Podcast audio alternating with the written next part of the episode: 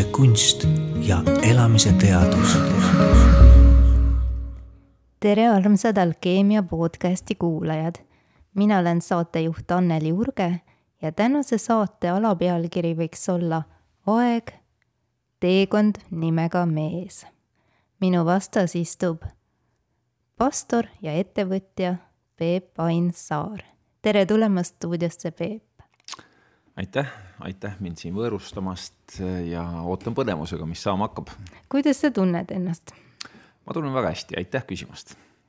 meie ees äh, laual siin stuudios on üks väga kaunis äh, roheliste kaantega mahukas raamat, mille pealkiri ongi siis Aeg, teekond nimega mees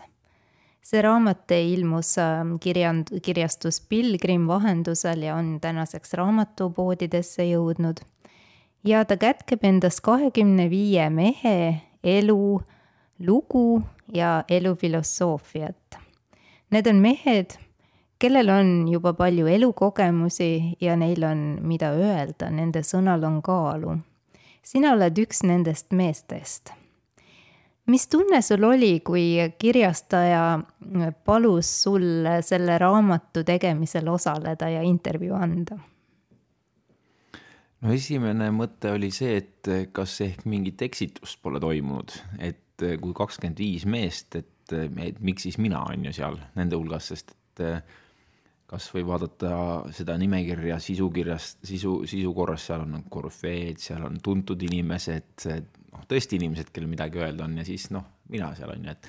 et see oli vist esimene mõte, aga ma mõtlesin, noh, kui kutsutakse, siis mu üks elu põhimõtteid on see, et kui kutsutakse, siis tuleb minna tavaliselt eks siis näha ole, mis saama hakkab ja, ja siis, kui me siin vestlesime, see oli tegelikult ju väga tore ja ja kuidagi ta iseenesest läks nagu, aga ma siiani tunnen, kui ma nüüd ka seda paar päeva tagasi seda raamatut esmakordselt käes hoidsin ja sirvisin, siis ikka heas mõttes tunned sellist, näed sa, aukartust, et vägevad mehed ja tore on olla nende seltskonnas. sul on ähm, kaks poega. Sa oled nendele suureks eeskujuks ja nüüd on sinu lugu ka sellise äh, väljapaistva raamatu kaante vahel. kuidas sinu pojad sellesse suhtuvad? no nemad on näinud ainult Instagrami postitust, mis ma tegin, kus ma panin selle pildi ja näed sa, ma olen kuskil raamatus ja tütar, kes mul, on tütar ja kaks poega ja siis tütar pani like'i vähemalt sinna alla ja võib-olla pojad ka, nii et nende esialgne teadlikkus, nad pole seda raamatut veel käes hoidnud, et äh, ma arvan, nad ei oska sellest veel midagi väga arvata, kuigi nad on parajad teismelised juba selles eas, et aga aga no eh, ma tahaks loota, et ühel päeval nad vaatavad tagasi ja noh, raamat või mitte või aga et mingid hetked ja mingid lood neile ikka jäävad oma isast meelde ja see, mis nad kaasa võtavad, et see võiks seda väärt olla, see, see kogemus, mis nemad on saanud. sinu jutust ma järeldan, et tütar ja naisterahvad on siis aktiivsemad nii-öelda raamatuhuvilised no võib-olla või lihtsalt sotsiaalmeedias aktiivsemad, et noh, tütar on mul natuke vanem, viieteistaastane, et siis äh, ta võib-olla seal teeb natuke rohkem tegusid kui poisid, kes, kelle jaoks on telefonis võib-olla mingid mängud natuke olulisemad kui äh,, kui Instagram. kui selle raamatu eessõna lugeda, siis ähm, saamegi teada, et raamat on enamasti mõeldud just noorematele meestele, et siis ammutada nii-öelda juba kogenumate meeste elutarkusi, aga ka loomulikult naistele, et saada rohkem teada meeste hingeelust. miks on see nii, et Eesti mehed ei taha väga oma tunnetest ja meeleseisunditest rääkida? Ähm, vot jah, ma arvan, et mõnikord isegi kui tahaks, siis ei oska või kui isegi oskaks, siis tunned, et ei ole seda keskkonda äh, ja, ja ma arvan ka, me oleme selline ikkagi tammsaarelik rahvas äh, meestena, me tahame asju paljuski välja teenida, me tahame väärt olla midagi. ja korraga, kui sa avad ennast ja räägid võib-olla ka asjadest, noh, mis ei ole hästi või mis sa tunned ja, ja oled segadus ja kõik need hetked võib-olla sa siis tunnedki, et sa oled nagu natukene vähem mees, et sa oled natuke vähem väärt, et sa oled natuke vähem välja teeninud et võib-olla see noh, niimoodi ongi algselt, et aga samas ma ikka olen näinud seda ka, kuna ma paljudega puutun kokku, kes hakkavad abielluma, erinevas vanuses nad on ja siis tihti tuleb tegelikult välja see ka, et suhte jooksul lihtsalt mehed nad alguses ei oskagi lihtsalt, aga siis kui on õige kaaslane, küll nad õpivad rääkima, õpivad ennast avama, mitte ainult siis abikaasale tulevasele, vaid ka, ka sõpradele, et see on kindlasti õpitav. Et paljud asjad, mis meid meestena takistavad, tegelikult on sellised võlts, võltspõhjused, millest tuleb nagu üle olla. sa oled öelnud, et sinu tegevus ja tugevus on toimu-, toimida elu ristteel, kus saavad kokku erinevad inimesed, erinevad ideed ja erinevad valdkonnad, kus saab kokku see, mis on maine ja see, mis on püha. kuidas see filosoofia on sinu elus toiminud? ma sõnastasin selle enda jaoks võib-olla, kui ma mõtlesin, kes ma olen, noh on ju, tutvustuses ütlesin, et ma olen pastor, ettevõtja. Äh, ja mõnikord mul ongi nagu raske ennast nagu kasti panna, sest ma nagu väga hästi ei sobitu päris igasse kasti ja, ja, ja viis aastat tagasi ma läksin kõndima Põhja-Hispaaniasse palverännaku rada. Just selle mõttega, et aru saada, kes ma olen ja kuhu ma teel peaksin olema. ja siis ma sõnastasin selle, et ma olen selliste tähendusega hetkede arhitekt elu, elus olnud ja ma jõudsin sinnani, et noh, see ongi see, need hetked, kus, kus midagi sünnib, kus sünnib tähendus, midagi, mis on suurem kui nüüd ja praegu. kas saad kokku ideega, inimesega, pühaga Äh, et see on võib-olla lihtsalt, kui ma tagasi vaatan, mis on hästi läinud või kus mõju on olnud või et siis on selline ühisnimetaja, et ükskõik, kas sa oled siis mingi ettevõtja rollis natukene või hoopis pastori rollis või oled lihtsalt sõber või oled mõnikord isa, et see rollid vahelduvad, aga kuidagi see on see võib-olla, mis on minu puhul siiani selles teekonnas kajama jäänud. Millal sa hakkasid enda käest küsima, kes ma olen, millal need küsimused sinu teadvuses hakkasid ähm, valjult kõlama? ma arvan, mingil moel äh,, eks see küsimus ole kindlasti väga vana küsimus. ma arvan, et me kõik ju küsime vähemalt ma, ma, mulle tundub selline loogiline küsimus, mida küsida läbi elu enda, ükskõik, see ei ole mingi kriisiväljendus tingimata, et ma küsin, kes ma olen minu jaoks on see alati seotud ka sellega, et vaata, et vastus sellele nagu määrab ka ära, kui ma tean, kes ma olen, siis ma saan, minu panus saab ka kõige suurem olla, noh, teistele ja, ja, ja maailmale. et need on nagu omavahel seotud, et kui ma ei tea, kes ma olen või kuhu, kus ma peaks olema või mis mu koht on, et noh, siis ma võin elada sellist mugavuselu, võin elada sellist elu, kus ma ainult otsin edukust, aga ma arvan, see jääb mingi hetk kriipima, et noh, midagi oleks veel võinud olla, et on jube hea teada, kui sa, kui sa tead, kes sa oled nagu. aga ma arvan, võib-olla jah, nüüd viimastel aastatel, eks ta mingite etappide vahetustel sa küsid rohkem seda, nagu öeldakse, et inimene mõtleb Jumalale kõige rohkem mingites etappides, noh, kas see ongi siis äh, abielludes, kuskil surmaga kokku saades, laps sünnib. kõik need hetked, mis nagu raputavad selle staatus quo lahti nagu. et äh, mõnes mõttes, eks ähm, ma arvan, viis aastat tagasi oligi, kus ma nagu küsisin teatud intensiivsusega rohkem kui varem. ma arvan, nüüd ma hakkan jälle küsima, sest ma tunnen, võib-olla mingi etapp jälle äh, elus nagu hakkab ümber saama, aga et võib-olla sa teed täpselt sama asja edasi, aga lihtsalt sa korraks mõtled uuesti läbi, et kuhu, kes ma olen, kuhu ma lähen, miks ma lähen sinna, kuhu ma lähen. tähtis on seda mõtestada, et uusi eesmärke seada. jaa, absoluutselt. ja see oli, ähm, ma ei tea, kas siin raamatus oli mingi hetk, aga noh, ma olen ise ka ma mäletan seda hetke, mäletan väga selgelt, kui ma sain aru, et mul on alati meeldinud eesmärke seada, aga, aga kui mõelda, et kas on veel midagi sügavamat, kas on veel mingi unistus tegelikult ka, mis nagu annab selle nagu jõu minna läbi ka raskustest ja, ja, ja kire ja paneb silmad särama, siis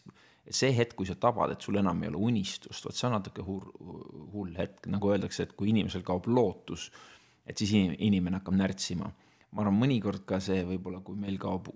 unistus ja ma ei taha üle idealiseerida seda, aga et mõnikord on see, et võib-olla kui kaob unistus, siis kaob äh, jõud sellise maksimaalse elu elamise järgi ära, sest sa rahuldudki natuke väiksemate asjadega, pingutadki natukene vähem ja midagi jääb nagu ära, see viimased protsendipunktid jäävad tegemata. ehk kohandud ja, ja. tõmbud endasse.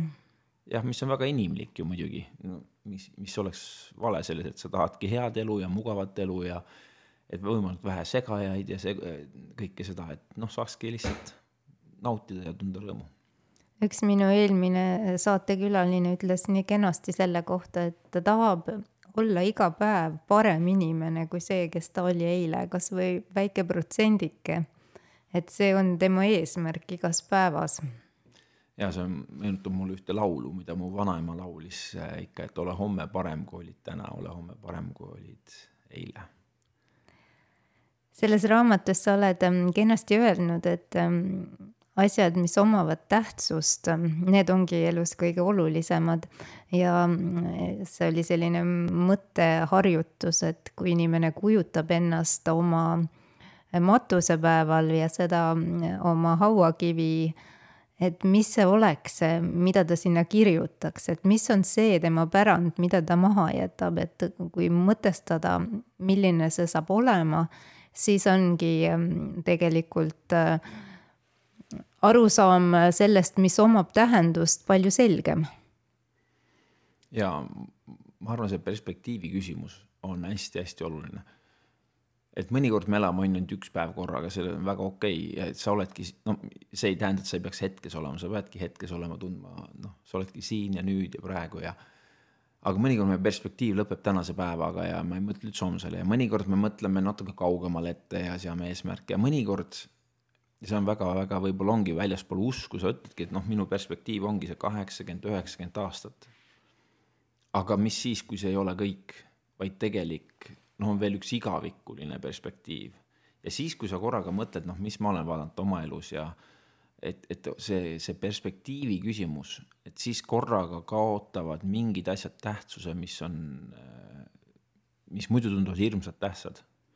Ja mingid asjad, mis võib-olla ei tundu nii olulised, korraga muutuvad palju olulisemaks, sest sa saad aru, et see, mis ma praegu teen, kajab vastu igavikus, see, mis ma nüüd teen, valmistab mind ette igavikuks ja selleks, mis siis tuleb. Ja ja siis korraga mingid asjad lähevad paika jah, tavaliselt selline selgushetk tabab inimesi, kui nad on mingis suuremas kriisis, kas tuleb mõni haigus või õnnetus ja inimene saab oma surelikkusest teadlikuks, et siiamaani oli elu lihtne ja helge, aga nüüd need sündmused justkui näitavad, et ähm, see võib lõppeda igal hetkel. Ja siis äh, omab tähtsust just see, mis on tähenduslik elus, et kas ta tõesti, see inimene tahtiski oma elu selliselt veeta või mis on veel tegemata jäänud ja, ja mis tuleb veel saavutada. ja mulle meeldib see kuvand üks, mida ma ei ole seda ise välja mõelnud, aga et, et see ongi nagu, nagu lauamäng, mäng algab sellest, et sa paned need nupud sinna lauale siis on strateegiad ja avangud ja kõik asi seal toimib. ja üks hetk saab mäng läbi ja need nupud pannakse karpi tagasi ja see paneb mind mõtlema, et ükskõik, mis mängu me mängime, ükskõik, kes me oleme, mingil hetkel noh, meie need mängunupud pannakse karpi tagasi. ja siis jääb midagi alles. ja, ja, ja tihti see, kellel jääb palju alles, on hoopis on üks lihtne inimene võib-olla, aga temast see lugu ja see ja pärand ja see jääb helisema. ja teine, kes võib-olla on jube kuldsete nuppudega mänginud, aga noh need nupud lähevad ju lõpuks tagasi ära karpi, et need ei tule enam siin, see, see lugu võib-olla ei ole rääkimist väärt enam. Ja, ja vot tahaks elada sellist lugu, sellist elu. ja ma tean, see kõlab võib-olla kuidagi jah, liialt poeetiliselt, aga ma arvan, et ta on väga praktiline tegelikult, see mõjutab su igapäevaseid otsuseid ja mis sa teed ja tegemata jätad. Äh, et tahaks ikkagi sellist elu elada, et ühel päeval nagu keskmaa lugudes seal Sõrmuste isandas ja igal pool oligi, räägiti lugusid, lauldi lugusid lõkke ümber mingitest meestest, mingitest tehtud eh, asjadest ja ja, ja, ja see võib olla väga-väga argine, aga kui sa oled teinud oma elu, elanud armastusega, pannud sellesse, mis sa teed, seda, siis ma arvan, see jääb kõlama. mis on eh, sinu jaoks armastus? sa oled raamatus öelnud, et armastus on teenimine. kui sa paned teise inimese soovid ja vajadused enda omadest ettepoole oi, see on raske küsimus, sest et kuna ma teen nii äh,, kuna ma kuulen lugusid armastusest ja näen armastust välja elatavat äh, nii palju, kuna ma lihtsalt nii palju abielusid sõlmin äh, ja laulatusi läbi viin või abielutseremooniaid ja ma kohtun ja kuulan inimestega ja olen neid sadu ja sadu kuulnud, tuhat, tuhat vast tuleb kokku. Et siis sa saad aru, et tegelikult kuidas sa, kuidas sa võtad kokku, mis asi armastus on, et seal on, seal on nii teenimist, seal on otsust, seal on valu, seal on ilu, seal on, seal on armu, seal on andestus, seal on üheskoos liikumist. armastus on katus inimeseks olemise kohal, armastus on, armastus on nii suur ja samas nii lihtne, et ma ei oska seda, ei oska seda vist hästi kokku võtta. piibel ütleb, Jumal on armastus, et võib-olla seal midagi jumalikku ka või armastus ei ole Jumal, aga Jumal on küll armastus, jah, ma olen seda ka mõelnud, et tuleb kumbapidi öelda. ühtpidi see kehtib, teistpidi viib see sind masendusse, kui sul enam ei ole armastust elus. see on selge ja armastus tiht-, armastuse puudumine ongi tihti kõikide hädade põhjuseks. sest eks igaühe soov siin maailmas on olla armastatud ja ise armastada, see on nii elementaarne kindlasti on, aga samas on huvitav ju tegelikult, et noh, armastus või ka abielu, selle nagu roll ajas, kas me tahame või mitte, on nagu natuke muutunud. ma arvan, praegu on armastus võib-olla see filosoofia tasandil läinud natuke enesekesksemaks, ma tahan olla armastatud. ma tahan, et keegi täidaks mu vajadused või miski täidaks mu vajadused. see on nagu minu põhiõigus, olla armastatud, olla õnnelik ja teine inimene või kes iganes peaks siis seda nagu täitma, minu seda armastuse karikat ja, ja me tahame nagu olla saavas positsioonis, aga armastuse vist ma arvan, see põhiraamistik on sisse kirjutatud, see on tegelikult rohkem andmine. ja siis sa koged ja siis sa saad, on ju rohkem, et aga ta algab nagu teisest otsast, et ta on selline nagu Arvo Pärdi sõnu kasutus, armastusel ongi see ohvri hind ja seal on nagu see valu sisse kirjutatud ja ohvrimeelsus ja aga me oleme nagu tahaks sellest teisest osast lähtuda, noh, minust lähtume, lähtume armastusest minust.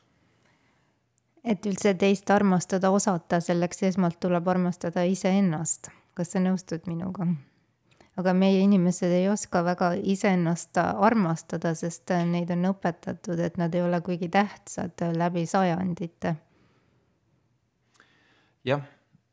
ma arvan, kindlasti sa ei saa olla terve inimene, kui sa ei armasta iseennast, see ei tähenda, et sa idealiseerid iseennast. just nimelt. jah, et ma arvan, mõnikord see mind ajab, natuke ärritab, et kui kuidagi toimub teistpidi see, et mis on ka tänases maailmas hästi populaarne, et noh, et ma ise olengi nagu, minus on kõik vastused peidus, ma olen kõikvõimas, ma saan, mis ma tahan, ma ainult lihtsalt ütlen selle välja ja noh, kõik see asi, siis ma näen, noh, elu ei ole päris selline. et ähm, et jah, muidugi äh, armasta oma ligimest nagu iseennast äh,. kuidas sa saad ligimest armastada, kui sa iseennast ei oska armastada, rääkis Jeesus ühe loo tähendamissõna ja ja, ja ma arvan, selles mõttes ma olen kindlasti nõus, aga seal on paras ports alandlikkust alati peaks sees olema ja jah, nagu ma ütlesin, et sa ei idealiseeri iseennast, aga oled valmis, valmis andestama teistele nii, nagu sul on andestatud, armastama nii, nagu sind on armastatud sa oled pastor ja paned paari palju inimesi, nagu sa praegu rääkisid. mis tundega sa seda teed? ja ma tegevpastori ju hetkel ei ole, mul, ma olen pastori ordinatsiooniga pastor äh, nii-öelda äh, kogudust äh,, koguduses ma kuskil hetkel pastor ei ole, aga ma olengi tundnud, et minu kogudus paljus ongi need inimesed äh,, kes veel ei ole kirikus, kes ei ole sinna veel jõudnud või, või võib-olla olid seal mingi hetk, enam ei ole ja ja enamustega ma satun kokku tõesti sellise eluristteel, kus nemad otsustavad nüüd abielluda, kellegagi koos edasi minna elu lõpuni. mis tundega ma seda teen, ma ütlen, ma olen vast umbes pea tuhandes pulmas käinud praegu. ja ma tunnen siiani alandlikkust selles hetkes, kui näiteks see kõik algab. ja, ja seal on nagu sellis-, noh, ühes pulmas on ju, kui see on tõeline armastus, seal on nagu seda, seal on seda siirust, seal on ehtsust ja seal on ilu ja seal on haprust ja seal on seda äh, ja seal on samas otsus, et ja teadmine, et ükskõik, mis jamad tulevad, noh, ma praegu ütlen sulle, et ma tahan koos sellega läbi minna sinust, sinuga koos läbi minna sellest kõigest. ja muidugi noh, elu paraku on nii, et alati see ei lähe niimoodi ja, ja ega ju kõik abielud ei jää ka seal püsima, mis, millest ka mina olen osa olnud, aga aga ikkagi seda alandlikkust ja seda siirast rõõmu ja ma arvan, see on sel hetkel, kui ma enam ei suudaks tunda ei rõõmu ega seda ja, ja seda siirast imetlust, ma arvan, siis ma ei tohiks enam seda teha. ja seni, kuni see on veel ehtne, siis ma arvan, ma olen õige koha peal. sa näed neid paare, nad on nii mm, elevil ja armunud, kui nad tulevad laulatusele ja näed neid ka siis oma eluteel käimas ja nagu sa ütlesid, paljud suhted ei kesta kaua. Mis on sinu jaoks üks selline, ma ei saa nüüd öelda ideaalse, sest ideaalseid asju pole olemas, nagu me kõik teame, aga ühe sellise kestva ja, ja vastastikku toetava ja armastava suhte olemus? Ja ma olen eh, enne, kui keegi abiellub, siis ma saan paar korda nendega kokku, on ju, et neid tundma õppida, õppida,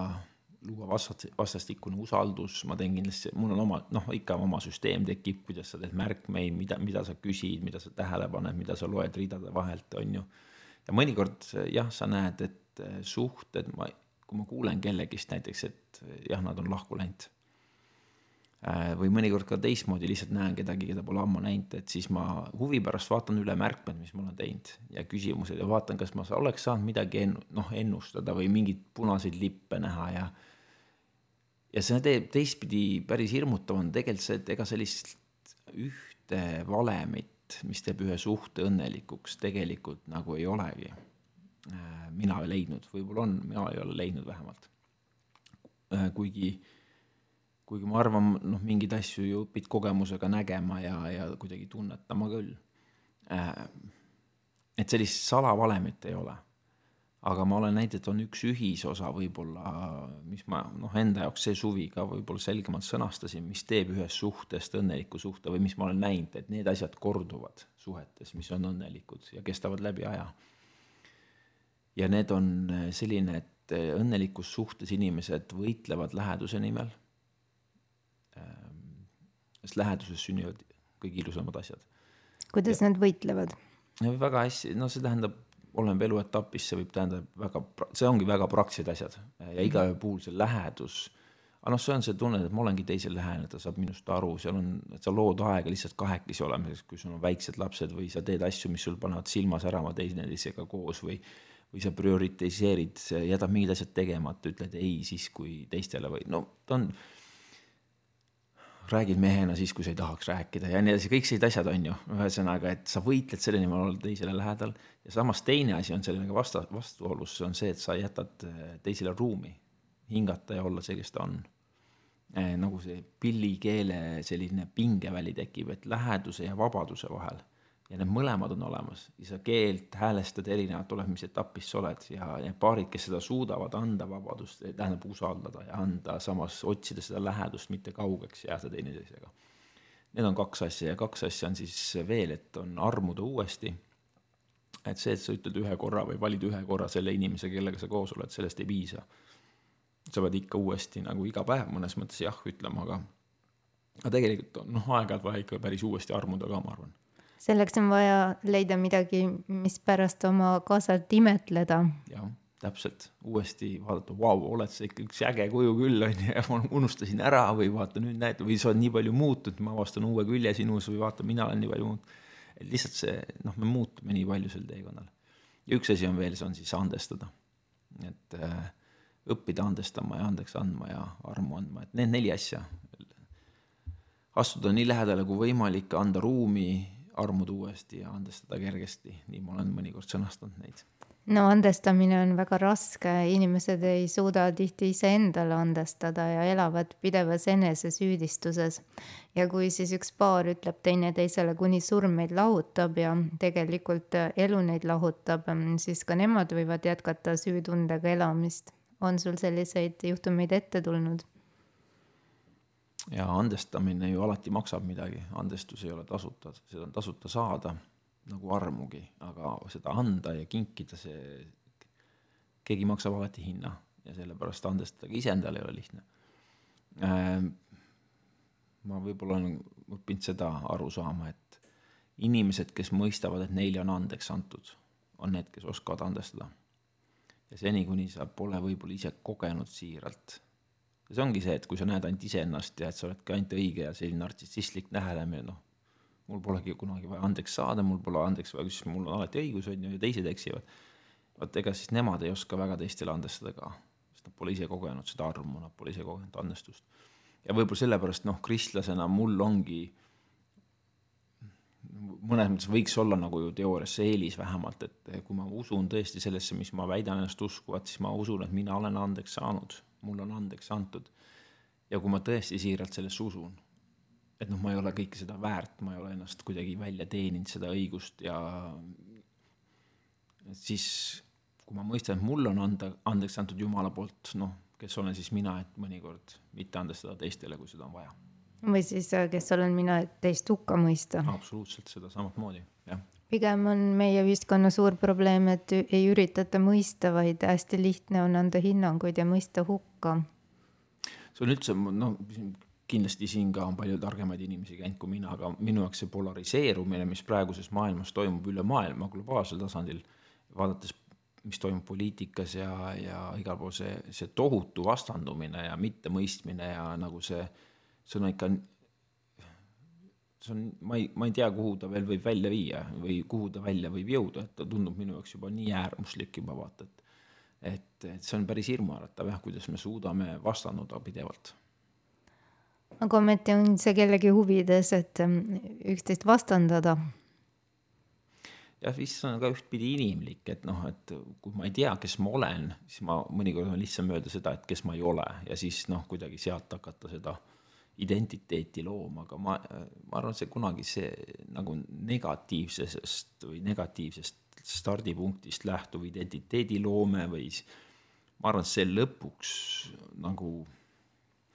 teeb sind ikkagi kuidagi küüniliseks ja õnnetumaks inimeseks, ma arvan, ükskõik, kas me räägime siis ühiskonna või partei või üksikisiku tasandist. nii see on. ja kui veel kaob lootus, siis ongi küünilisus selle tulemus ja on huvitav, et eh, ikka uuritakse ju mehi, kes lähevad pensionile.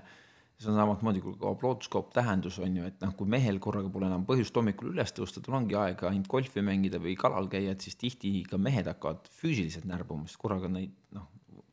sul ongi kõik võimalused nautida elu nüüd, aga tegelikult sa tunned võib-olla teistpidi, et mind pole võib-olla enam nii palju vaja või et noh, kuidagi see, tegelikult läheb maailm väiksemaks ja kitsamaks ümber ja siis inimene hakkab natuke närtsima. aga lootus on veel võimsam asi, jah, kui enam pole seda, et, et parim on alles ees või homne päev. noh, ongi, on natukene parem või mina olen natuke parem homme või noh, kui see kaob ära, siis jääbki ainult tänase päeva valu ja eilse päeva haiget saamine ja pettumus ja siis on, siis on jama jah no viimased aastad on kaunis karmid olnud meile kõigile, on koroonakriisile järgnenud Ukraina sõda ja no nüüd on veel see energiakriis ja, ja inimesed on lihtsalt nii segaduses, et mis saab edasi. Mis oleks sinu nõuanne, et kuidas seda meelerahu säilitada sellistel rasketel hetkedel? no eks siin võiks jah öelda suuri sõnu ja, ja asju ka, aga need mõnikord ei aita meid mina olen vaadanud, võib-olla räägin oma kogemusest, aga ükskõik, kus sa oled ja millest sa läbi lähed, äh, kui sa suudad igas päevas leida ühe hetke, mis paneb su silma särama, mõnikord sellest piisab, et minna läbi kõige jamamast asjast ja karm, karmimast perioodist. et kas, kas on siis tõesti lihtsalt, et sa kuulad väikse lapsele naeru korraks või lähed ja kõnnid mööda metsateed või istud saunalaval või või noh, mis iganes, mis sa, aga mis siiralt paneb nagu su silma särama korraks, seda ei ole palju vaja. aga kui sa seda suudad luua iga päev, mõnikord alandajad, no mõni päev jääb vahele ka ikka, olgem ausad, aga et noh, siis, siis tegelikult, siis see lootus säilib vist arvatavasti, sest ei ole ainult see jama, mis on praegu ja minu ümber ja, ja mis, mis on veel ees, aga näed, midagi ilusat on ka igas päevas ja küllap tulevikus on seda rohkem ja nii et et inimestel on vaja ka usku, et sellest läbi tulla, sest kui sa millessegi ei usu, siis on väga keeruline. no piibel ütleb, mis jääb lõpuks, lõpuks jääb usk ja lootus ja armastus, armastus. ja suurim neist on armastus, nii et aga need kõik kolm, usk ja lootus ja armastus, need on, ma arvan, äärmiselt olulised inimeseks olemise puhul. kuidas kulges sinu teekond, kuidas sa oma Jumala avastasid? no kui mõelda Jumala ja usu peale, üldse usu peale, ükskõik kellest me räägime, ükskõik mis inimesest, ükskõik mis ühiskonnas, siis selleks, et hakata uskuma millessegi, tegelikult seal on kolm tegurit mängivad alati kaasa. ja nende kaal võib, osakaal võib olla erinev ja ongi erinev sõltuvalt sellest, kes me oleme ja mis meie jaoks on isiksusena tähtsad. aga need kolm asja, et, et inimene hakkaks uskuma millessegi, esiteks on intellektuaalne komponent, et see, millesse ma usun, no see peab mingil moel nagu, ma pean suutma seda põhjendada, loogiliselt ära seletada, et see oleks sellist intellektuaalset konflikti seal sees. et oleks teaduspõhine ta ei pea olema teaduspõhine, aga, aga piisavalt minu jaoks, et ma ise saan aru, et see minu jaoks ei noh, et ei ole mingi totaalne umbluu, on ju. üleloomulik liiga. jah, või noh, ja sein vastab igaüks nagu jurist vastaks ühtemoodi, mingi selline äh, vilepuhuja kuskil aasa peal vastaks teistmoodi, aga noh, see intellektuaalne komponent, teine on isiklik kogemus. kuidas sa mõtestad valu ja ilu, mis su elus on, et kas see on äh, ai, ma olen nii paljust jamast läinud läbi, et kindlasti ei saa Jumalat olemas olla, kui ma sellest läbi olen läinud või vastupidi, et näe, ma olen sellest jamast läinud ja ma olen pidanud otsima Jumalat, et ta aitaks mul sellest jamast läbi minna, et ehk minu mingi kogemus, mida ma siis mingil moel tõlgendan või mõnikord ka mingi üleloomulik või kokkusaamine sellega, mis on püha või kes on püha. nii et see on teine komponent ja kolmas on sotsiaalne komponent, ehk need inimesed, kelle poole ma alt üles vaatan või kogukond, kuhu ma tahan kuuluda või need, kes mu ümber on, mida nemad usuvad, noh, ma olen suure tõenäosusega rohkem sellesse Äh, kui mingis kultuuriruumis kasvan üles, siis ilmselgelt see mõjutab mind rohkem, on ju. aga need kolm komponenti on alati olulised usuks, usu, uskuma hakkamisel või ka mitteuskumisel. ja selles, kas ja kuidas me jõuame Jumalani. ja ma arvan, et minu jaoks ühtpidi oli see kogukond, kus ma kasvasin, ma kasvasin üles äh, kristlikus perekonnas ja sealt ma nägin seda, äh, aga ma mäletan siiani neid hetki ja eh, kus, kus see usk muutus tegelikult minu omaks, kus ma lahendasin enda jaoks ära mingi intellektuaalse komponendi rohkem ja kus ma ise kogesin midagi ja tõlgendasin seda ja kuidas siis see kõik korraga mingi hetk tuleb kokku ja sa saad aru, et tegelikult ongi rohkem kui nüüd ja praegu on rohkem kui mina ja minu isiksus ja minu asjad ja minu minevik ja minu tulevik. ja on olemas Jumal, kes ongi see armastus ja kes otsib mind ja kes on mind otsinud siis, kui mina ei saanud temast arugi veel ja neid hetki ma mäletan, nii et minu jaoks toimus kuskil teismeeas. et noh, kindlasti mingid asjad sa võtad lapsepõlvest kaasa. aga sa teed seal, aga, aga jah, et ja siis sa võib-olla tuled tagasi nende asjade juurde mingi, kui sa muutud ja küpsed ja siis sa pead uuesti vastama mingite kahtlustele, kõhklustele, selle intellektuaalsele komponendile ja uuesti ära lahendama mingid vastuolud ja ja mingeid kogemusi oled juurde saanud ja kuidas see nüüd mu jumala pilti sobitub ja üks asi, mis ma olen näinud näiteks üldse väljaspool, igaüks ju me usume või ei usu millessegi ja ja kahekümne esimese sajandi filosoofias tihti ei ole ruumi nagu valule ja haiget saamisele. jah, kannatus ei ole kannatus enam moes. ei ole moes ja kui ta tuleb mu ellu ja meie kõigi ellu tuleb ta mingi hetk ja, ja, ja mis siis nüüd saab, mu ide-, mu maailma arusaam kukub kokku nagu natuke ja ja ma olen kriisis, sest see ei oleks tohtinud juhtuda minuga. ja kuidas nüüd, mis nüüd jah, nii palju on seda võltspositiivsust ja ütleme ka need äh, nii-öelda New Age teooriad õhutavad seda, et inimene on justkui kõikvõimas ja kui me ainult äh, naudime seda elu siin, siis see on nagu selline õige olemise viis. absoluutselt täpselt, et äh, noh, praegu on novembrikuu ja siis on see meeste tervisekuu, ma otsustasin ka, et ma lähen jälle nüüd novembris ikka käin sellisel arstlikul ülevaatusel ja. mis ülevaatusel sa käisid? No ma käisin, lasin perearsti juures siis teha täisülevaatuse eh, nendest, mis on siis EKG-st kuni lihtsalt ülevaatuse kuni vereproovide kõigi ja röntgenini välja siis. no see on suur eeskuju kõigile kuulajatele, sest inimesed tihti üritavad ikkagi pea liiva alla peita ja, ja mitte, mitte aru saada, mis siis tegelikult toimub täpselt ja, ja tegelikult noh, aga mingi hetk sul mureneb, kui sa saad aru, et täitsa lõput nagu, nagu sa juba ennem ütlesid, noh, mingi hetk minu lugu saab ka läbi, et me kõik saame vanaks või mis iganes, mingi hetk sa saad aru, et tegelikult sa ei ole kõikvõimas inimesena. noh, sul on mingid piirid, ükskõik kui kaugel ja võimsad ja vägevad need on, aga meil on piirid ees ja me ei ole jumalad siin tegelikult maa peal, et noh, et siis, siis ongi see küsimus valust ja kannatusest ja surelikkusest mõnikord ja, ja kõigest sellest, mis me peame oma filosoofias ära mahutama millegipärast ähm, just see surelikkus on teema, millega selles ühiskonnas siin ei taheta tegeleda, et see on justkui äh, midagi sellist, et ära tule rääkima, kui keegi ütleb, et ma hakkan vist ära surema, siis kohe teine inimene ütleb, et oh, mis sa nüüd, et sinuga ju seda ei juhtu, et sul on veel tükk aega elada ees. et pigem äh, eitatakse ja, ja seda kuidagi ignoreeritakse. kuidas on sinu suhted oma surelikkusega? Eks ma kindlasti tahaks ka seda võimalikult kaugele edasi lükata, on ju, see on küllap vist ka selline inimene, kuigi ma ei karda surma ja ma ei karda seda, mis on tulemas, aga et äh, mulle meeldib, Steve Jobs ütles kunagi, et äh, iga hommik ta tõusis üles, vaatas peeglisse, ütles, see võib olla täna sinu viimane päev. ela siis seda nii, nagu see oleks su täna viimane päev. ja noh,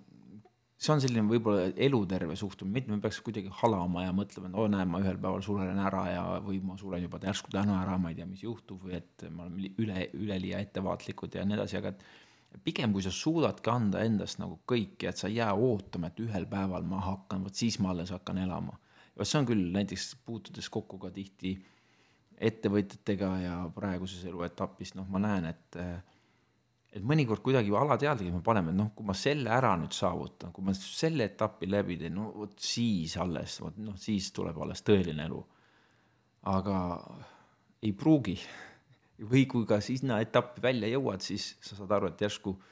et noh, oleks pidanud palju varem juba elama ja tegelikult noh, ma ütlen, see perspektiivi küsimus, mingid asjad siis enam ei, ei, ei oma nii suurt tähtsust. ma arvan, ruutmeetrite arv su kodus või palju sul pangaarvel on ja, ja jah jah, eriti eh, selles olukorras, kus me praegu elame, kus eh, ähvardatakse reaalselt tuumasõjaga, kus teadlastelt tuleb uudised, tuleb veelgi uuem ja surmavam koroonaviirus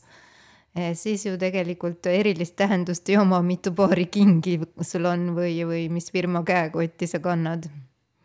jah, ma arvan, meil paljude jaoks oli ju Ukraina sõja alguse päev ja see hetk nagu korralik äh, šokk ikkagi selles mõttes, et, et sa saad aru, et kõik see, mis sa arvasid, ei ole enam kunagi võimalik, võibki olla reaalsus. Ja mul oli sii-, noh, siiani ju lapsed kuidagi ka ikka kuskil kuulevad ja neil on väga meeldinud lugusid kuulata, nad issi, tule räägi meile mingid lood oma lapsepõlvest, nagu ma ise oleks jube vana ja mul oleks jubedalt lugusid rääkida, aga ma ei tea, nad ikka tahavad, et nad räägiks lugusid ja siis ma mõnikord räägin enda lugusid ja vanaema lugusid ja ema-isa lugusid ja ja üks asi, mis ma neile kogu aeg oli, noh, mõnikord tuli sõda jutuks ja mis oli Teine maailmasõda ja nii edasi ja näed, vanaema, teie vana-vanaema oli siis metsas ja väikse lapsena ja nii edasi.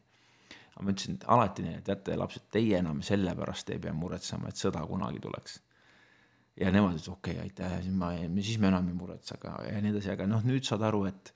tegelikult isegi selliseid asju me ei saa nagu väita, et tõesti mitu paari sul on kingi, kui keegi tuleb ja viib ära su pesumasina ja lapse ja naise ja noh, lõpuks noh, mis siis, mis siis omab tähtsust, mis siis omab tähtsust jah, need kuna ma tegelikult ei ole sellises olukorras ise olnud, nii et noh. loodame, et sinna olukorda me ei pea kunagi sattuma. jah, mina ikka usun terve mõistuse võidukäiku, et,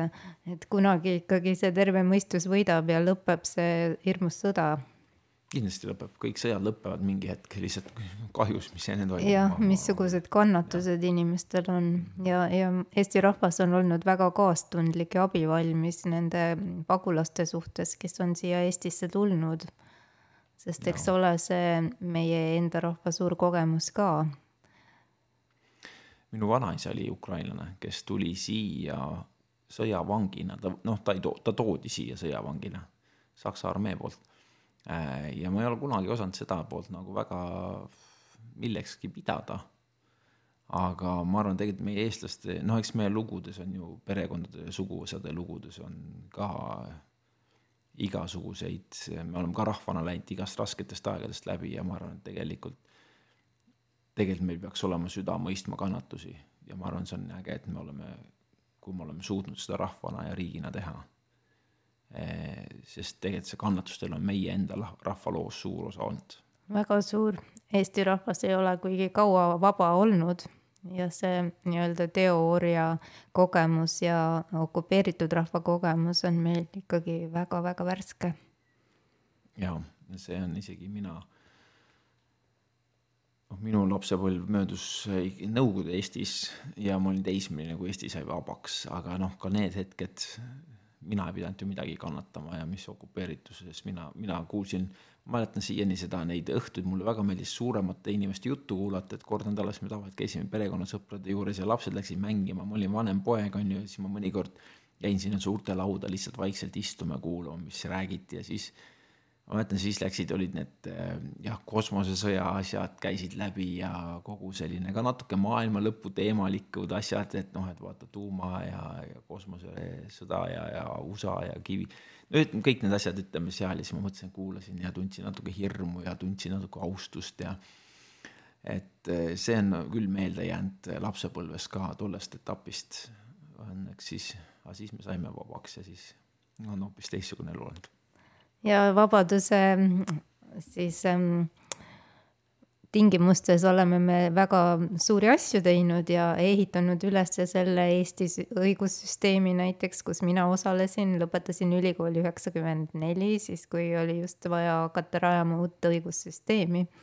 ja sain kõiges selles osaleda, et ähm, tunnen uhkust, kuhu me oleme täna jõudnud õigusriigina. ja sina samamoodi oled olnud edukas ettevõtja ja ma olen üldse õppinud tehnoloogiat, tegelikult mu esimesed ettevõtted oligi tarkvaraettevõte ja niimoodi ja siis ma töötasin ühes tarkvaraettevõttes ja siis ma mõtlesin, aitab küll, nüüd tahaks näha, kuidas inimeste elud muutuvad ja siis tulin tehnoloogiast ära. aga nüüd olen ringiga natuke tagasi jõudnud ettevõtluse juurde ja. millega sa täna tegeled? kinnisvarabüroo juhtimine, Arko Vara kinnisvarabüroo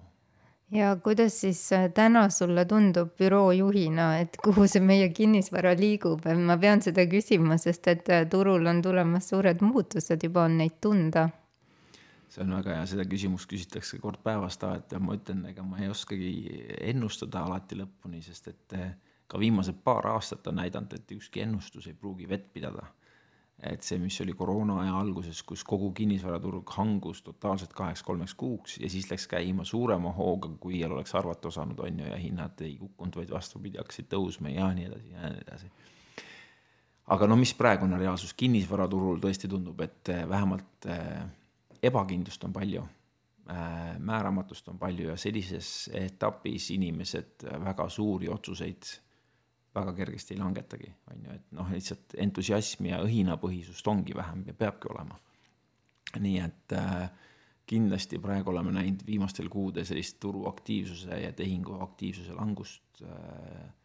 kakskümmend protsenti kuskil keskmiselt viimased kaks kuud, see on linnati erinev olnud äh,. Tallinnas ju tehingute aktiivsus korteriturul ainult langes, nüüd ma, nüüd kõlab nagu mingi kinnisvara podcast, aga noh Tallinnas langes ainult eh, nüüd oktoobris üks protsent, kui ma ei eksi, üks koma midagi see kinnisvaraturu aktiivsus, Tartus nelikümmend protsenti. aga Tallinnas toimus langus ennem ära ja nii, et nüüd teistes linnades tuleb võib-olla vaikselt järgi, et, et ma arvan, siin ma ütleks, et segmenditi hinnad langevad, eh, aga osades jäävad püsima, et uusarendustel on raske näha hinnalangust väga ette aga järelturu ja mitte väga, mitte väga heade objektide puhul lastakse õhku välja, ma arvan, omajagu noh, on ka aeg, et hakkaks intressid lõpuks tõusma ja raha, raha on ju nii suures inflatsioonis kogu, mis me praegu kogeme, et. Äh, ja ma rääkisin peaökonomistiga Luminori pangast, siis tema ütles, et ainuke hea uudis, mis mina praegu oskan öelda, on see, et Euribor tõuseb noh, kõik muu asi on jama, aga Euribor tõuseb ja noh, tavainimese poolt vaadates on ainuke halb asi umbes peaaegu, no muud halvad asjad ka, aga noh, et aga tema seis on just, no tegelikult see ongi, et taastada seda inflatsiooni mõistlikule määrale ja et meie raha odavaks ei läheks liialt käes ära, et nii see on, aga kuna meil tõesti ei ole siin mingi majandus podcast, vaid on vaimsed teemad käsil, siis ma küsiksin sinu käest ähm, niisuguse, võib-olla sa oled seda küsimust palju kuulnud, aga ma ikkagi pean seda küsima. et kui ütleme siin stereotüüpne mõtlemine ühest pastorist on siiski selline, et ta tegelebki hommikust õhtuni usuasjadega, laupäeval, pühapäeval ka muidugi et sinu ähm, elukäik on olnud võrdlemisi kirev, et sa oled tegelenud veel mitmete asjadega, et sa oled edukas ähm, siis kinnisvara alal ja samamoodi siis äh, tehnoloogiaettevõtetes. et kuidas sa selle kõike üheldad oma elus? Jah, see ongi keeruline olnud. Äh, minu põhimõte on olnud see, et ma olen üks sama inimene igal pool, kus ma olen, et ma ei ürita olla keegi teine erinevas rollis või vähemalt püüan ja ma loodan, et see on mul välja enam-vähem kukkunud. Ähm, mis mõnikord tähendab, et sa ei sobitu ei ettevõtjate keskele, sa ei sobitu ei kirikusse või kogudusse alati või sa ei, noh, sa ei. kas sa oled tundnud seda kunagi, et sa ei sobitu? Ühte või teise seda- kohta. ma ise võib-olla ei tunneta seda nii teravalt, mõnikord, kui sulle öeldakse, et kuule, miks sa selline või miks sa nii, noh, siis sa saad aru, et okei okay,, tõesti, noh, võiks võib-olla stereotüüpselt peaks küll teistsugune olema ja aga nagu ma ütlesin, see võib-olla läheb sinna algusesse, kus äh, sa lugesid siit raamatust ka, et, et ma tegutsengi elu ristteedel ja ma olengi aru saanud, et no ristteedel saavadki erinevad asjad kokku, erinevad äh, seal toimus kauplemist, seal toimus infovahetus, seal toimus äh, kohtumist võõraga, tundmatuga, hirmutavaga, seal toimus uue suuna, sihi seadmine, noh, ja võib-olla see ongi see, et äh, ma ei jaksa ühel teel pikalt kõndida, ma tahangi olla ristteel jälle tagasi, sest see on endale põnev. kohtuda huvitavaid inimesi, mulle meeldib, mul öeldakse, et vaata, mehed enam teatud vanusest edasi enam sõpru väga ei loo et noh, su elu on nii välja kujunenud, sul on omad rutiinid, asjad paigas ja, ja sa kulged, on ju, sul needsamad sõbrad, pigem jääb sõprade arv vähemaks, sest põdurus ja, ja kõik võtab oma, on ju, tead sa, aga ma ikka vaatan, mul tuleb iga aasta nagu hämmastavalt palju uusi sõpru kogu aeg tekib. on need päris sõbrad või Facebooki sõbrad? ei, ikka ma mõtlen Facebooki sõpru, Facebookis mul on üsna vilets, et aga noh, et et ikka ma räägin päris sõpradest, need, keda ma saan nagu usaldada ja, ja anda neile oma koduvõtmed ja öelda, et kuule, kas saad mu pere eest hoolitseda, kui mind ei ole, ma mõtlen ikka selliseid sõpru nagu, et ka, et äh, jah, et neid on mul õnneks elus kas sa oled usaldav inimene? kindlasti. ma olen alati valinud selle, et ma tahaks inimesest uskuda head, seni kuni ma tõesti saan aru, et ma ei saa enam temast head uskuda, et noh, et pigem ma olen üleusaldav äh,. aga noh, sa teadlikult valid ka selle, et see minu jaoks on alati parem valik see, kui see, et ma olen inimese suhtes liialt skeptiline või pessimistlikult meelestatud. et ma olen teadlikult valinud, ma saan mõnikord haiget, mõnikord maksan mingi kõrge hinna selle eest, aga see on seda väärt. nii et ma olen kindlasti usaldav, jah et hoolimata oma sellistest pettumustest oled sa edasi ka usaldav? muidugi, sa saad ise aru ju, et ega sa ise vead ju ka inimesi alt samamoodi, et ega ma ei saa eeldada, et et ma saan aru, et mina ei ole täiuslik, aga teised minu sõbrad võiksid ikka nagu täiuslikud olla, noh, mis, mis suhtumine see maailmas on siis, et ei, see nii küll ei käi, et ei, muidugi püüan ise olla usaldusväärne teiste jaoks ja siis usaldan neid. paljud inimesed püüdlevad kogu elu täiuslikkuse poole. kuidas sul on sellega lood? mingid asjad mind häirivad, pedanti minus natuke on mingites asjades, kui ma näen, et saaks asja paremini teha, siis tuleb paremini teha. Ja mingites asjades võiks võib-olla vähem nagu, ühesõnaga jah, mitte nii kerge käega lasta. näiteks mingid presentatsioonid või noh, mingi PowerPointis on mingid asjad paigast ära, kuule, tee see korda, see on noh, pane see väike asi juurde veel ja see tulemus on nii palju parem, ükskõik, on ju ja siis noh, mingid asjad võib-olla mind nii palju ei mur-, murjenda, nagu ma arvan ka, et võib-olla see sõltub väga valikuliselt, kas ma olen siis perfektsionist või mitte, aga aga üldiselt äh, täiuslikkuse poole püüdlemine, mis, mis ma olen näinud, et kui sa tahad olla ikkagi millegis väga-väga hea, Eestis on seda raske teha, sest me oleme nii väike riik ja väike rahvas, aga sa pead ikka väga väikse valdkonna valima, milles sa oled väga-väga hea ja vot siis sa võid olla väga-väga hea maailma tasemel millegis. Ja kui sa üritad kõiges väga hea olla, noh siis on selline mitte kedagi kõnetav keskpärasus tulemuseks minu meelest. kas äh, sa premeerid ennast või kiidad ennast oma saavutuste eest? ma ei ole väga hea selles äh,. olemuslikult on mul see, et niipea kui üks asi saab tehtud, ma juba mõtlen, mis järgmine peaks olema või kuidas paremini teha, et äh,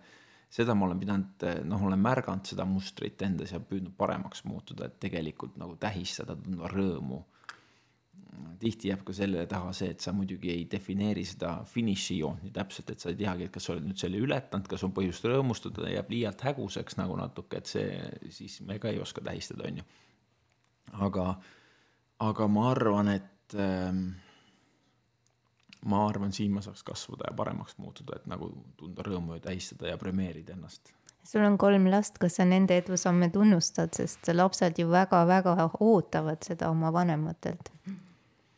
Ja see on täitsa hirmuäratav mõte, et huvitav küll, et üritan neile öelda, vaata kui tubli ja kallistada ja olla olemas ja öelda, ma tulen, noh, mis iganes, et tütrel ikka öelda, sa tead ju, kui ta mõnikord helistab, et kas saab mulle järgi tulla või noh, kell on palju ja nii edasi ja ütlen talle ikka, et tead, sa ju tead, et ma tuleks sinu järgi kasvõi maailma lõppu, kui vaja on, on ju, järgi sulle. Ja ta teab seda, on ju, et aga, aga ma võin neid öelda ja neid asju teha, aga siis ikkagi mõtled, okei okay,, huvitav, mida nad tegelikult kaasa võtavad siit lapsepõlvest, sest ise vaatad tagasi ju ka, tegelikult meid kõnetavad võib-olla asjad, mis kellegi teise jaoks ei tundunud suured ja olulised, aga noh, mingid veidrad, me ei oska selle näppu kohe praeguses olevikus peale panna, mis jääb saatma või mis kõnetab või mis teeb haiget isegi mõnikord või vastupidi, mis, mis on nii positiivse asjana jääb meelde, mingi sõna, mis sa ütlesid et tahaks muidugi, et, et see on piisav, mis teha, aga eks kindlasti nad näevad ka mingeid negatiivseid asju ja mustreid ja kahjuks nagu meil kõigiga mingid asjad tulevad kaasa meie ellu ka, mis kindlasti ei ole nii positiivsed. aga see on seesama jutt, mis me just enne rääkisime, et ainult häid asju ja naudinguid ja positiivsust ei tasu elult loota, sest kõik on ikkagi ju balansis ja ma arvan ka, et kui lapsed saavad kaasa sellega, et mitte, et elu on ideaalne, aga see, et kui elus on jamad, et kuidas selle jamaga hakkama saada, kui sul on kellegagi tüli, kuidas selle ära lepid ja kuidas selle ära lahendad, et noh, et sa selle päris eluga nagu hakkama saad, mis on nagu, kus ongi nagu seda kõike sees tänapäeval on perekonnad üsna haprakesed, et väga palju on lahutusi ja kärgperesid ja küsitavad on ka need väärtushinnangud, mida lapsed siis ellu kaasa saavad selles virvarris. ma tean, et sinul on pereväärtused au sees ja sul on oma väärtushinnangute süsteem paigas ja sa raamatus ka kirjutad, kuidas sa lastele seda edasi annad. mis on kõige olulisemad pereväärtused sinu jaoks? jah, eks sa sellest tunnen ka tihti ennast äh, või nagu sellisena läbi, läbikukkununa, et noh, näed sa nüüd, kuidas ise neid väärtusi alati välja elad või kuidas, kas oskad neid kommunikeerida või teha nad meeldejäävaks ja noh, mitte premeerida ega tunnustada, kui, kui lapsed seda teevad hästi. alati on kasvuruumi selles. aga no ma arvan, me oleme jah, ma sõnastasin mingi hetk äh, siis meie perekonnas olidki nad, kindlasti seal all on kuidagi see usk ähm, jumalasse ja sellesse ka, et me ei olegi nagu maailma nabad ja sellest paljud asjad lähtuvad. ja neid oli, ma arvan, needsamad viis, mis ma lastele olen püüdnud õpetada, et pane teine endast ettepoole, ole alati rõõmsam ja anna alati kõiges endast parim. me oleme jumala saadikud ükskõik kus kohas ja kellega ja mis ajal ja viimane see, et noh, me räägime Jumalaga, keda me peame pühaks nagu iga päev, et noh, kuidas iganes, mis viisil, et noh, need väiksed asjad väljenduvad erinevalt eri, erinevas eluetapis. aga ma arvan, noh, võib-olla need ikkagi kätkevad järelikult seda, mis on nagu oluline minu jaoks, et see maailm ei ole ainult sina, äh, siin on Jumal, siin oled sina ja siin on teised. ja siis selles dünaamikas, kolmeses dünaamikas kuidagi hakkama saada no see on väga hea stardipositsioon äh, sinu lastele, kui tal, kui neil need arusaamad on juba lapsepõlvest antud kaasa. mis on sinu jaoks üldse elus kõige olulisem? Ohoh, väga hea küsimus. ma ei teagi, mis on kõige olulisem, ma ikka mõtlen, et mis mind võib-olla kõnetab, on see, et et ükskõik, kes sa oled, et sa ei raiskaks oma elu ära. ja, ja võib-olla see on selles mõttes nagu oluline, et ma usun, et igas inimeses, ükskõik, mis sa endast arvad ja kui haritud või mitte haritud või kui palju sa oled haiget saanud või, või kõik on hästi läinud no sinus on nii suur tohutu väärtus peidus ja nii tohutu potentsiaal, et leia oma koht, leia oma tähendus, ela see välja, et noh, see on nagu vist kõige olulisem, see võib nii erinevalt väljenduda. ja seal on siis ruumi, seal on sellele usule, lootusele, armastusele ja õppimisele ja kõigele, kõigele ruumi ja ja kaaslastele ja sõpradele ja jumalale, ma arvan, ja aga leia oma, leia oma koht, oma tähendus, et see lugu oleks suurem kui sina ise see on väga-väga hea soovitus kõikidele saate kuulajatele ka siit kaasa. ma küsin sult nüüd veel, et kui sa peaksid uuesti oma elu ristteele jõudma, kuhu viib siis tee edasi, mis on sinu järgmised eesmärgid ja unistused?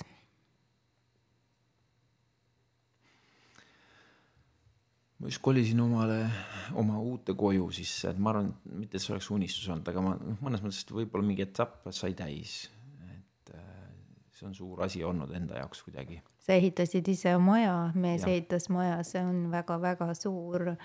hetk no, elus. ma natuke ehitasin ise ka, aga noh, ma püüdsin seda projekti juhtida ja aidata, et ehitajad ehitaksid nii, nagu ma tahtsin ja nagu me Annaga, oma abikaasaga tahtsime seda maja jah, aga et see oli suur ja väsitav periood. ma ei ütleks, et ta on mingi selline tohutu suur jah, unistus oli, aga võib-olla mingi etapp ikka, et ma natuke tunnen ka, et tõesti, et tegelikult võib-olla üks etapp hakkab jälle täis saama elus, mis see tähendab, ma ei tea.